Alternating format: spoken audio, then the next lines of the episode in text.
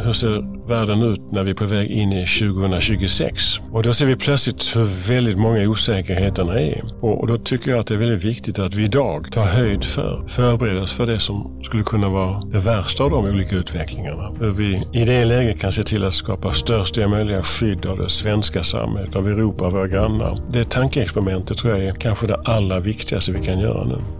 Och den som sa det var Gunnar Hökmark och det här är Frivärds årskrönika 2023.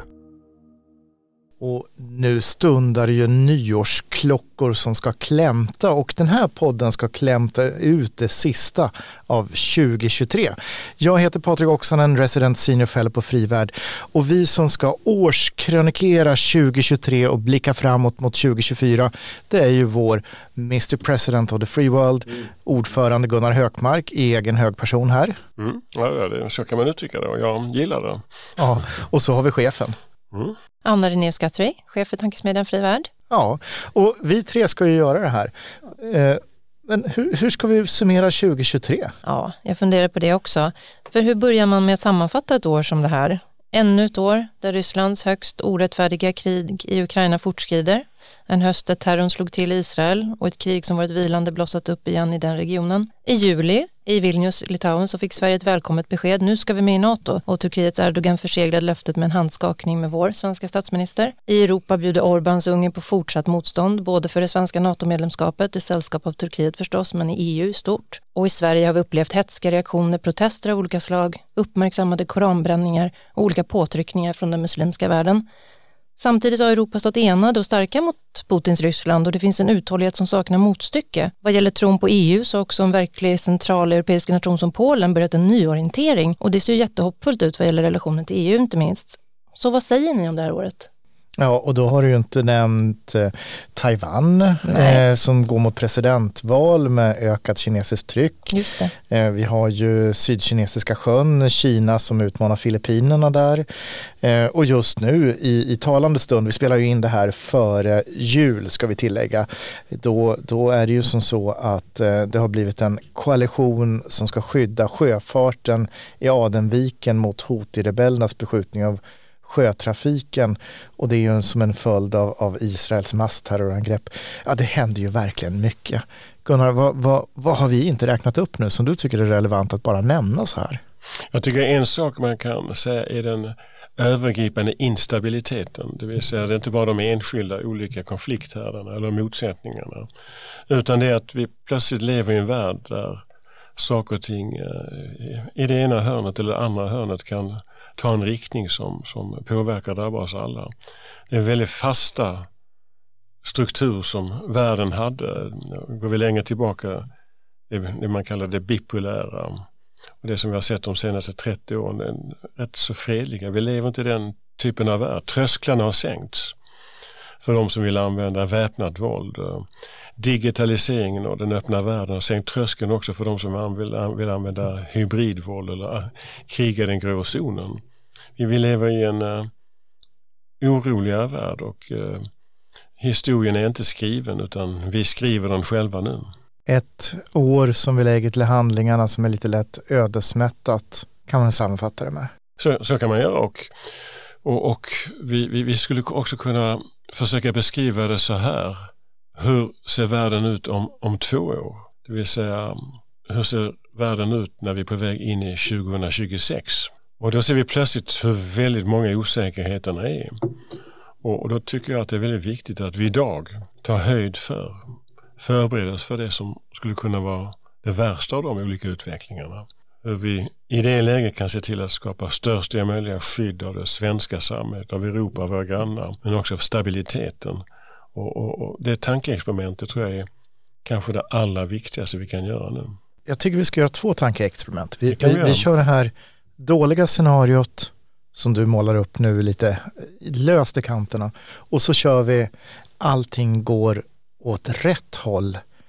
Eh, vad är vi då om två år? Ska, vilket vill ni börja med? Vill ni vara, börja med att vara dysterkvistar och bli hoppfulla sen? eller jag, tror, jag, jag, tror de hänger samman faktiskt. Därför ja. om vi förbereder oss för det dåliga så kanske vi uppnår det goda.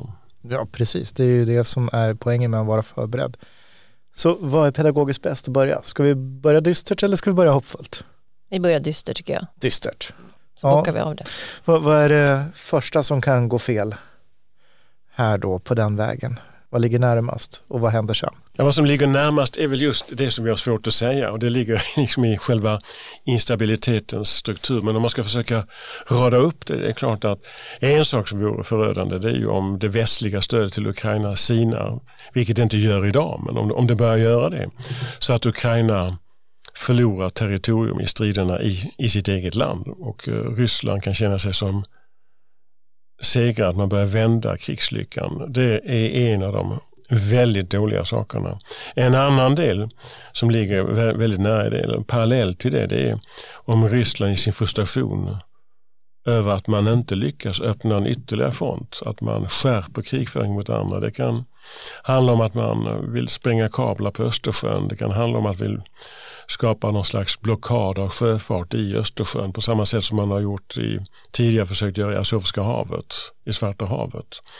Det kan hända att eh, Ryssland i den ivern vill se till att eh, bevaka gränserna mot de baltiska länderna mot Finland på sånt sätt så att man skapar konfrontation. Och eh, utveckling i Balkan, eh, orolighet med, kring Serbien, Bosnien, eh, Kosovo.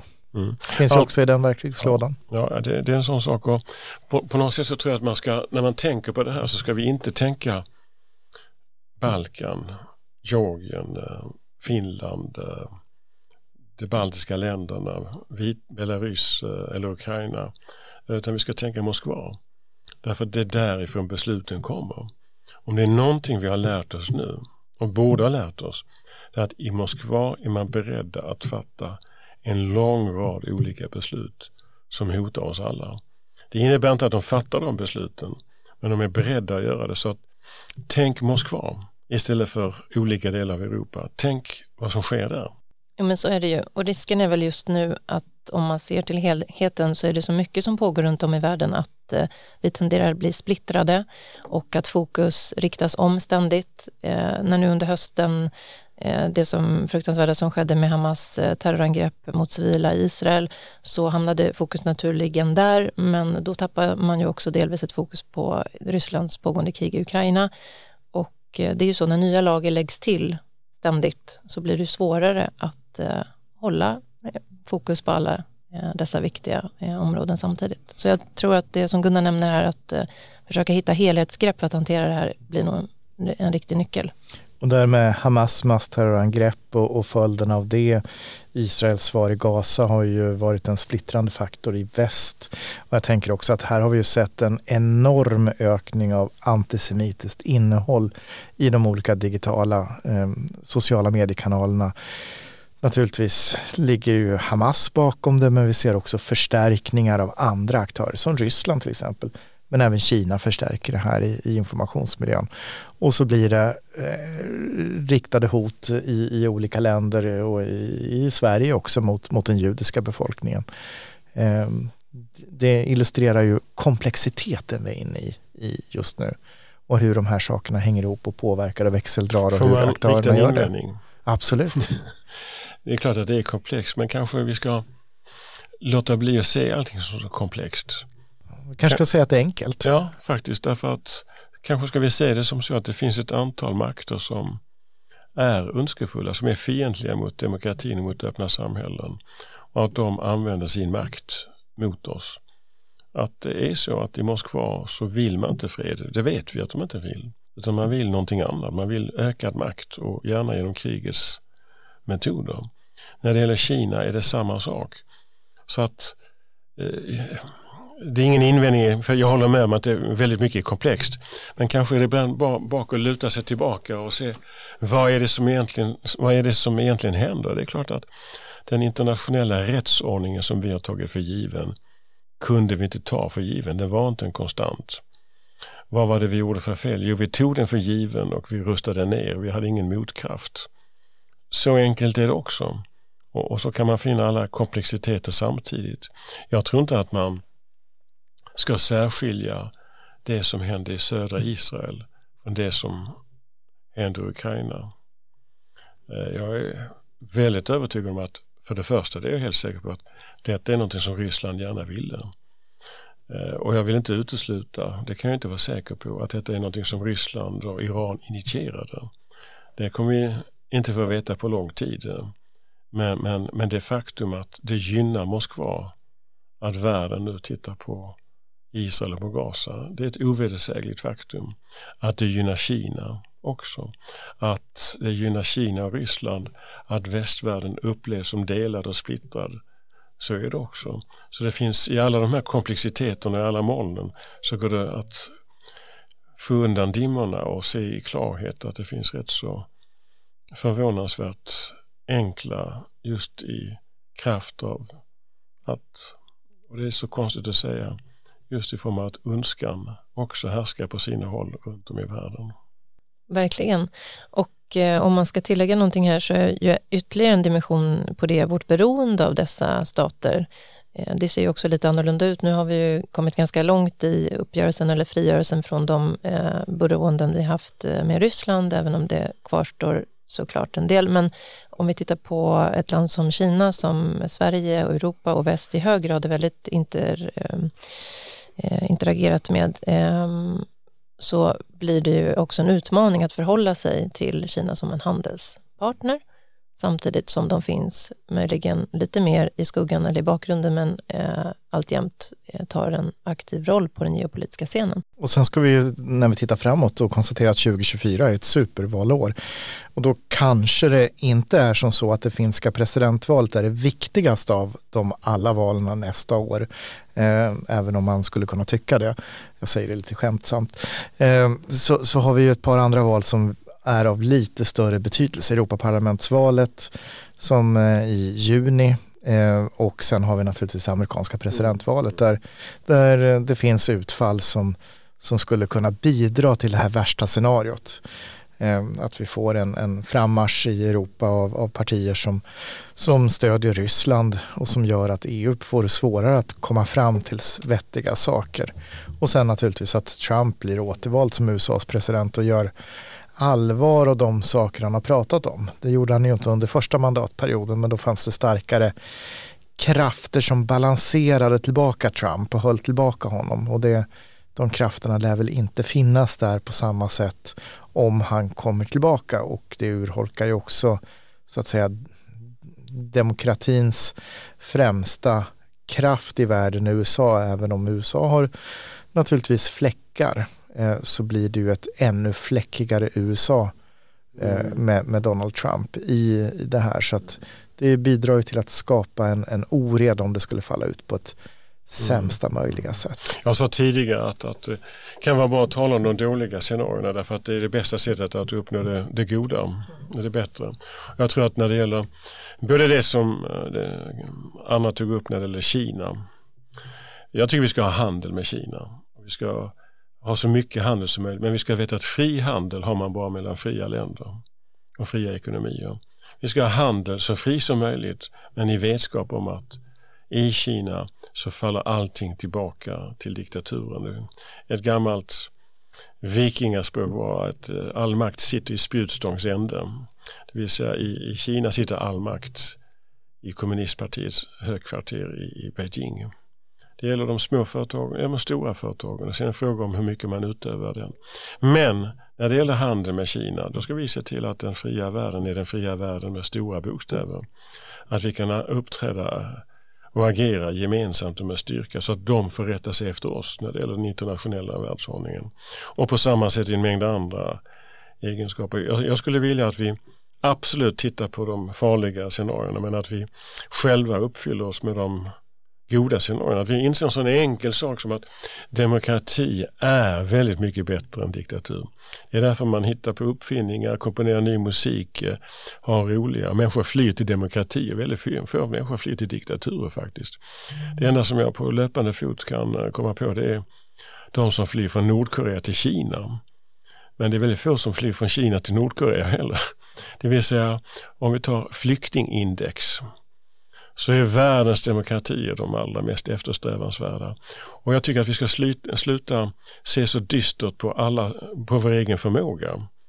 Eh, vi ska se allvarligt på hoten men med glädje på våra förmågor och våra möjligheter därför att då kan vi vända den här utvecklingen. Jag tror även det gäller den amerikanska debatten, det vill säga om människor som tror på friheten verkligen visar att man är beredd att försvara den i Europa, i Asien och, och i USA så kommer man även den amerikanska väljaren känna att de inte är isolerade på sin kontinent utan att de är en del av någonting och har ett ansvar för någonting. Så att hur vi blickar på varandra och hur vi blickar framåt spelar stor roll för hur vi kan vända den här utvecklingen.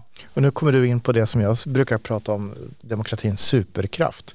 För det är ju det som är superkraften, fria människor, fritt samhälle, ingen som behöver vara rädd, eh, ingen, ingen eh, diktatur att förhålla sig till, ingen rädsla, ingen korruption, eller i alla fall väldigt låg grad av korruption. Eh, och då åstadkommer man fantastiska saker när man väl fattar vad problemet är. Och där är vi fortfarande lite långsamma. Det finns ju många som tror i Sverige idag att eh, ja, men, eh, privatkapital i Kina, det är klart att det är som privatkapital i Sverige. Mm. Som inte förstått det där grundläggande med, med spjutspetsen som du, du nämnde Gunnar. Ja, vi förväntar oss att det finns ett fritt näringsliv även där och så är ju inte fallet. Nej, och visst är det bra märkligt att vi 2023 kan sitta här och prata om att, att man har ännu inte fattat det. Som till exempel kommunpolitikerna i Sundsvall med, med, och Timrå med fabriken utanför Sundsvall, Härnösands flygplats då, som ligger i Timrå kommun. Där, där, man har pratat om att ja, men det här är inget problem för det är ett kinesiskt privatkapital. Mm. Mm, ja, det är rätt. Och i demokratins kraft, jag, jag tycker det är viktigt att komma ihåg att i en diktatur de som på sätt och vis är allra mest rädda, det är diktatorerna. De är så rädda så de tillåter inte fri press, de tillåter inte att människor samlas. De tillåter inte att ett antal pensionärer demonstrerar på torget för högre pensioner. De tillåter inte att människor samlas och reflekterar. De är så rädda så de inte tål kritik. Alltså, se bara på Putin när han har möten med sina underlydande. Han sitter vid ett långt, långt, långt bord, så långt bort från möjligt. Eller så sitter han via skärmar. Det är en väldigt rädd person. Ja, han har rysskräck. Ja, han har verkligen rysskräck eh, och, och, med risk för att nu blir du rysofob. Ja, men, det, men han, det. han, är rysofob nummer ett. Ja. och um, i Kina, Xi, så, så, om det vore så att han vore en väldigt mäktig man som hade folkets stöd då hade han ju inga problem med att folket uttryckte sin mening. Men det var en stora problem med det är därför de stänger ner, det är därför de förtrycker, de förtrycker hårdare och hårdare. Ju hårdare en diktaturregim förtrycker, ju mer är det ett uttryck för hur skrämda de är. Och det är ett annat sätt att se på de demokratins överlägsenhet genom, gentemot diktaturen. Jag menar demokratiska ledare i, i i, i fria länder. De, ibland liksom de eh, kan vara lite grann smårädda för nästa opinionsundersökning och de är lite nervösa inför val. Men de är inte rädda. Därför att i en demokrati behöver inte makthavarna heller vara rädda och man är inte rädda för det fria ordet. Nej, och maktdelning och maktavlösning är helt naturligt. Russofobi, det kan vi prata länge om eh, och det kan vi göra i någon annan podd för det, det finns en fascinerande historia som går tillbaka till mitten av 1800-talet. Begreppet är påhittad av tsarens hemliga polis men jag säger det som en cliffhanger till en annan podd. Mm, mm, ja, ja. Men jag, Skruva mig av nyfikenhet. Jag, jag, jag, tänkte att vi kan väl bara klart i, i, i det dystra scenariot innan vi tar, tar eh, champagne och glädje och, och, och swingjazz och lite sånt där roligt. Eh, 2026 Jag måste då. bara fråga, swingjazz, är det det du ser framför dig? Ja men jag tyckte det var roligt, det är positivt. ja det är bra. Ja. Det, det är liksom swing it magistern, ja, ja, swing it. tidens melodi. Du tar, med, du tar med dig moderniteten in i nästa år. Jag tänkte det. Men det var någonting innan där som ja, ja, men jag tänkte att vi kan bara, bara jag tänkte vi, vi kan bara borra i vad är vi i värsta fall i, i december 2025 och blicka mot 2026? Ja, kanske en förlängning av det vi är nu. Det vill säga eh, just nu så tror jag det är en fara att vi inte inser att vi är inne i någonting som är ett krig i Europa. Och att det kriget förs inte bara i Ukraina. Där sker ett fullskaligt konventionellt krig. Men kriget förs i hela Europa. Genom desinformation, genom korruption, genom eh, sabotage, sprängda ledningar på botten av Östersjön eller en mängd olika hot som syftar till att påtvinga andra sin utveckling. Det är ett krig som pågår och det kan eskalera på fler fronter än, än i det ryska. Kriget i Ryssland pågick ju faktiskt sedan 2014. Ja, vi ska komma ihåg att det var då Ryssland inledde den militära delen i angreppet på Ukraina. Den politiska subversionen, undergrävandet, det skedde ju långt tidigare. Långt tidigare, precis. Så att, så att det är en lång lina av aktiviteter som sker. Och eh, nu så bedriver Ryssland en eh, upprustning för att vara, bli en krigsekonomi. Eller man är redan en krigsekonomi. Och det är klart att det har ju ett syfte, inte bara att besegra Ukraina utan också att visa sig så stark i Europa att andra ger efter. Och det är därför det kan vara en bra poäng för oss själva att tänka oss in två år framåt om saker och ting går illa. Vad tycker vi då att vi borde gjort idag? Och så tycker jag att vi ska göra det idag. Mm. Och bara för att dra ut det i tangentens tydliga riktning 2025 december, då kan vi sitta med en situation då, då kriget har kommit till Östersjöområdet i, i militär form eller Ryssland har uppnått sina politiska mål genom vår oförmåga att agera emot. Eh, som dyster scenario. Ja, jo, men det är klart att eh, om vi inte förstod att Krim var början på Ukraina så kanske vi nu inte heller fullt förstår att Ukraina kan vara början på någonting mer. Och eh, det är där vi måste befinna oss och eh, försöka orka bära den tanken i de beslut som vi fattar idag. Och nu gör vi allt det du säger Gunnar. Eh, vi, vi, vi fattar att det här är risken. Vi agerar med full kraft i, i, som vi kan i Sverige, i Sverige tillsammans med sina grannländer i Norden, Baltikum, Sverige som en del förhoppningsvis snart, även om det kan dröja, det kan vi ta sen, NATO, eh, EU och så vidare och så gör allting rätt. Vad är vi då i december 2025? Jag tror att för det första så har Ryssland tvingats bort från Ukraina. Eh, för, för det andra så tror jag att ryska ledningen som då finns, vilka de än är, inser att deras väg till Europa kan aldrig gå via kriget. Därför att de kommer finna att demokratins krafter är de övermäktiga. Då kommer de välja andra vägar i form av handel eller förhandling och diskussion. Det, det, det är ingenting som kommer komma 1900, eller 2025 utan det kommer komma efterhand i bästa fall. Men då har vi kanske också sett en annan sak som, som jag saknat väldigt mycket i svensk utrikespolitik eh, och även i den internationella politiken. Det vill säga att man sätter demokratin som ett överordnat krav på alla de konflikter som vi har. Tänk om vi för lång tid sedan hade gjort det i Mellanöstern. Sett demokratin som den vattendelande kraften. Då hade vi sett till att ge stöd till ja, det som är den enda demokratin. Men vi hade också ställt krav på alla andra regimer.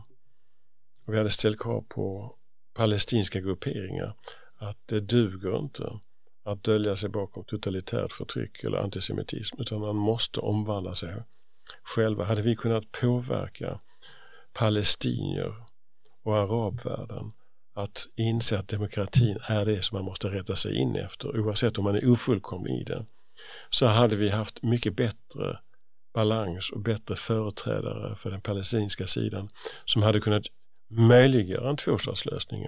Istället har vi sett hur det faktum att vi har släppt demokratin som krav har underminerat tvåstatslösningen. Jag hoppas att vi kan återupprätta den men då krävs det att vi ställer tydliga krav på de som ska vara parter i en tvåstatslösning.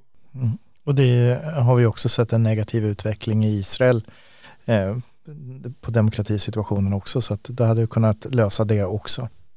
Jag tror det ena hänger samman med det andra och det är klart att Israel är ett land som i decennium efter decennium har levt under ett existentiellt hot och som levt i ständig krigssituation när det gäller terror, när det gäller hot av eh, olika typer av angrepp. Det är inte första gången som de har hotats med det som nu skedde. Det var, det var däremot första gången som man på länge lät det hända eller det kunde hända. Så att, så att jag håller helt med dig att, att eh, omvärlden måste sända signaler så att demokratins krafter uh, även i de demokratiska samhällena får mesta möjliga syre. På ett personligt plan då? 2023, vad är yes och vad är mm. På ett personligt plan så är det väldigt mycket yes för mig för att jag fick ju äran att kliva in i den här rollen i mitten på augusti och har haft ett otroligt eh, spännande, liksom första, en otroligt spännande första period här med Frivärd under hösten där vi har nått ut till många och där vi har initierat eh, viktiga diskussioner inom en rad av dessa områden som vi har berört nu i det här samtalet. Och eh, insikten att en tankesmedja som Fri Värld verkligen behövs är ännu tydligare idag än vad den var när jag klev in för bara några månader sedan.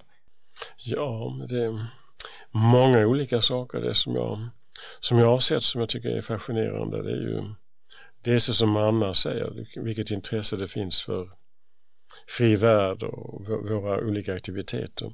En annan sak som jag har sett är ju hur stödet till Ukraina verkligen är växande och djupt förankrat i det svenska samhället. Måndagsmötena på Norrmalmstorg och måndagsmöten på andra håll runt om i landet visar detta och det, det vi ser är att det civila samhället, eh, olika myndigheter, organisationer, eh, sjukvårdens organisationer, alla vill vara med och hjälpa till på olika sätt och det är för mig en väldigt inspirerande sak.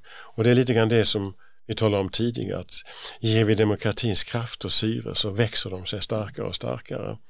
Och, och, och, och där tror jag finns en, som jag ser det, det är, ett eh, personligt perspektiv klart, men som jag, jag, jag ser det som, som, att vi just nu är i en tid som är definierande inte bara för Ukraina som nation. En nation formas av det som nu sker i Ukraina. Utan jag tror också att vi ser hur Europa definieras som gemenskap. Och det har skett väldigt snabbt en tydlig sammanhållning. Och så tydlig så att Orban blir marginaliserad. Inte så att han förlorar momentant inflytande för han kan ändå halstras och, och, och bråka. Men i grunden så hamnar han vid sidan om. Och, och det visar lite grann att när demokratins krafter utmanas på riktigt så sluter man sig samman. Och, just nu så ser vi en utveckling där Europa i de viktiga frågorna som Europa ska ägna sig åt sluter sig samman och har blivit väldigt mycket starkare. Och ett uttryck för det är att man har erbjudit Ukraina medlemskap i Europeiska unionen. Det är ett mycket längre steg än vad vi någonsin har tagit därför att aldrig tidigare har man erbjudit ett land i krig möjligheten att bli medlem. Men det får man därför att Europa är starkt i denna fråga. Om jag ska ta mina lite så här korta, yay, bra saker som jag tar med mig från det här året så, så dels så har jag varit med och gett ut en bok om försvarsvilja. Ryska krigsskepp dra åt helvete. Och det tycker jag har varit ett jättespännande arbete att få göra. Men också väldigt många bra, starka samtal runt boken om, om vad är värt att försvara Ehm, och liksom vikten av att göra det. Och där finns det mycket styrka och energi och det tar jag med mig på ett väldigt positivt sätt. Och sen på Fri Värld så skulle jag säga att en liten personlig höjdpunkt var att jag hade nöjet att ordna eh, då programmet för Utrikesakademins resa till Kiruna. Nu kanske ni som lyssnar undrar vad gör en utrikesakademi på besök i Sverige? Men, men ibland behöver man åka till andra delar av Sverige för att titta på geografin runt omkring. Så att det var ju ett tema då med med så att säga Nordkalotten, Arktis, tema och rymd. Jag tänkte just lägga till, inte bara geografin som sådan utan rymden också. Ja, precis. Galaxerna. Ja, så att vi var ju på S-Range och vi var också nere i gruvan LKAB och, och, och stort tack liksom till Rymdbolaget och LKAB som, som öppnade upp och, och, tog emot där. Men, men det var en väldigt bra resa och det var ju också första gången många var var så långt norrut i Sverige och fick se detta fantastiska bygge Kiruna då där, där jag får lite associationer till det här gamla Tintin-albumet Tintin i Amerika där det plötsligt byggs en ny stad ingenstans för att där har du nybyggda hus så går man liksom emellan och plötsligt så ser man liksom mellan de här nya höga husen eh, då snövidda vidder ut så. Så att det var en väldigt bra. Den här så det är väl liksom den här allmänna frustrationen jag kan känna för vår tröghet i att förstå vad det är för tid vi är inne i och vår förmåga att omsätta det i handling, det går fortfarande för långsamt. Där måste vi göra mer 2024. Mm.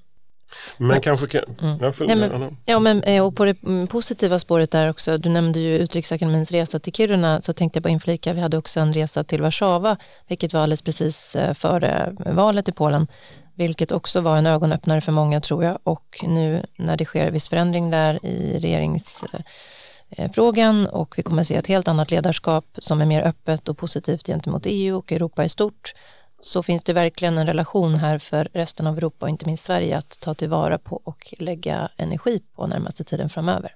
Gunnar?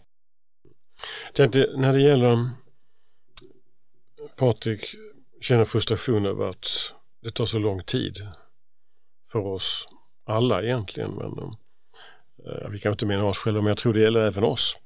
För oss alla att inse vad, vad som händer i vår värld. Ett sätt att hantera det, det är också att se vad vi kan göra. Det är lättare att mentalt ta, mentalt ta till sig de problem vi har om vi samtidigt ser att det är problem vi kan lösa. Om vi inte tror vi kan lösa dem så skjuter vi dem ifrån oss. Om vi ser att vi kan lösa dem så kan vi ta dem till oss och hantera dem. Och, och, och det gäller väl lite grann hur vi har samlats i Europa kring stödet till Ukraina istället för att borra ner huvudet och hoppas att ingenting ska hända. Och kan vi applicera det tänkandet på fler områden så ger vi syre åt rätt krafter istället för att vi föder vår egen pessimism. Därför att vår egen pessimism har ingen verkanshöjd. Den har ingen räckvidd. Den har bara räckvidd in i våra egna hjärtan och våra egna sinnen. Optimism då däremot mycket längre om man förankrar den med realism. Och där kommer vi nästan in lite grann, och nu blir det lite så här klapp på vår egen axel. Är det någonting som frivärd är bra på så är det ju faktiskt att komma med lösningar. Vi är ju inte, vi är inte problembundrande. Problembundrande är liksom inte riktigt vår grej. Nej.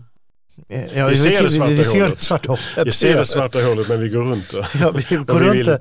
Eller, eller vi, vi har ett förslag på hur man täpper igen det. Just det. Men det är väl en väldigt bra metafor.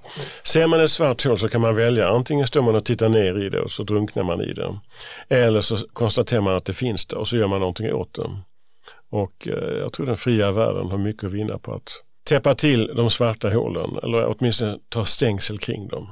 Vad ser ni fram emot personligen 2024? Då? Såklart att hitta ännu fler bra lösningar på alla dessa problem som verkligen bara tornar upp sig. Nu lät det lite för präktigt. Ja, Kom igen men det lite, är lite, det. roligare. Perso ja, jag har inte kommit så långt. Jag har långt än. Jag håller fortfarande på att avrunda det här året. Ja, men vilken blir den godaste flaska champagne du ska dricka eller Jaha, sådär? Ja, men ja, men det mest, annat. Den, den mesta champagne är gott tycker jag. inte så kräsen. Ja, precis, det är nog Patrik som är lite mer highbrow. Ja, jag vet inte. Nej, men det ska bli väldigt eh, roligt att eh, inleda nästa år, eh, börja ett nytt år som det alltid är. Man känner ju att man har ett clean slate och det finns oändliga möjligheter när man liksom har stängt ett år och börjat ett annat. Och den entusiastiska känslan eh, ser jag fram emot att hålla vid liv. Och så blir du för första gången på ett helår rektor för Utrikesakademin och i pratande stund så, så, så håller eh, så att säga, deltagarlistan på att bli klar och den kommer nog att vara klar när ni lyssnar på det här. I sändande stund så är den ja. klar och kommunicerad och eh, det ser vi ju också väldigt mycket fram emot att välkomna dessa spännande kandidater som vi har vaskat fram ur en väldigt diger lista med andra spännande kandidater förstås eh, och påbörja ett nytt år av Utrikesakademin. Absolut, det blir en av nästa års höjdpunkter. Du tittar på mig. Mm. Jag tycker för det första ska bli väldigt skönt att det börjar bli ljusare våren är faktiskt mycket bättre än hösten. Jag tillhör inte de som tycker hösten är så fantastisk. Eh, men våren är fantastisk. Eh. Och sen så tror jag att eh, vi kanske kommer att kunna känna att vi får en ökad känsla av att det vi gör inom olika områden när det gäller Ukraina och när det gäller de andra frågorna vi har talat om att det leder oss kanske inte hela språnget men det leder oss framåt. Och, och den känslan tror jag är väldigt viktig och den uh, vill jag se till att uh, vara en del av, att vi är en del av. Inte tro att vi kan lösa allting genom det stora hoppet och hoppa över problemen. Men lösa allting genom att steg för steg ta oss framåt. Därför att man är bestämd och konsekvent och orädd. Och du själv Patrik? Nej, men jag, jag ser fram emot i, i Fri Värld-hägn att jobba vidare på ett nordiskt, baltiskt spår med olika typer av, av samtal, diskussioner och idéutveckling för att tackla många av de här frågorna. Till exempel då inom eh, ja, hybridområdet, eh, eh, när, när så att säga fulspelande antagonistiska aktörer håller på att hitta på jävelskap mot oss. Ehm, och det ser jag fram emot. Och det där NATO-medlemskapet förstås. Ja, det som vi sparade på. Mm. Ja, när, när blir vi medlemmar? Under året som kommer. Mm. Det tror jag. Jag tror att eh, och, och, om, inte, om inte Turkiet och Ungern ger med sig så kommer det till slut, är jag övertygad om, lösas på något annat sätt. Därför att um, eh, Eh, det gäller framförallt Ungern, att Ungern, om Ungern inte bara är problem, ett problem utan blir problemet så kommer Ungern plötsligt bli marginaliserat marginaliserad både i EU och i NATO. Turkiet är kanske ett annat eh, problem av en annan art. Men, men jag är övertygad om att vi kommer att komma med under nästa år. Men, men jag vill gärna säga att det som det nordisk-baltiska och det nordiska, eller det nordiska och det nordisk-baltiska är kanske ett av de viktigaste spåren vi ska utveckla därför att i den värld vi lever i så har vi i vår region fem av världens äldsta stabila demokratier och stabilaste gamla demokratier. Och så har vi världens stabilaste nya demokratier som har samma inställning till det transatlantiska, till eh, marknadsekonomi, till rättsstat, till Europas ansvar. Det finns en väldig kraft att hämta ur det Om och, och väldigt mycket förmåga som vi skulle kunna utveckla långt utöver vad varje enskild liten nations förmåga innebär. Så att eh, jag tror det nordiska och det nordisk-baltiska spåret ska vara en av våra mer spännande fåror nästa år. Verkligen. Och det börjar låta som att vi har närmat oss tolvslaget. Lord Alfred Tennysons nyårsklockor ljuder och ringer ut 2023 och förhoppningsvis ringer in den tusenåriga fredens rike som det heter, även om vi nog inte tror att det kommer nästa år. Men eh, vi fortsätter att sträva dit och hoppas. Och eh, du har hört årskrönikan från Tankesmedjan Frivärd med Gunnar Hökmark, Mr President of the Free World, ordförande och Anna René Skatri som är chef för Tankesmedjan. Rösten ni hörde i början tillhör Dino Ekdal. Dino gör också bearbetningen av det här. Podden finns där poddar finns. Prenumerera gärna så att du inte missar ett avsnitt under 2024. Kom ihåg, friheten är värd att försvara i alla lägen. Motståndet upphör aldrig. Just så. Gott nytt år. Gott nytt år! Gott nytt år.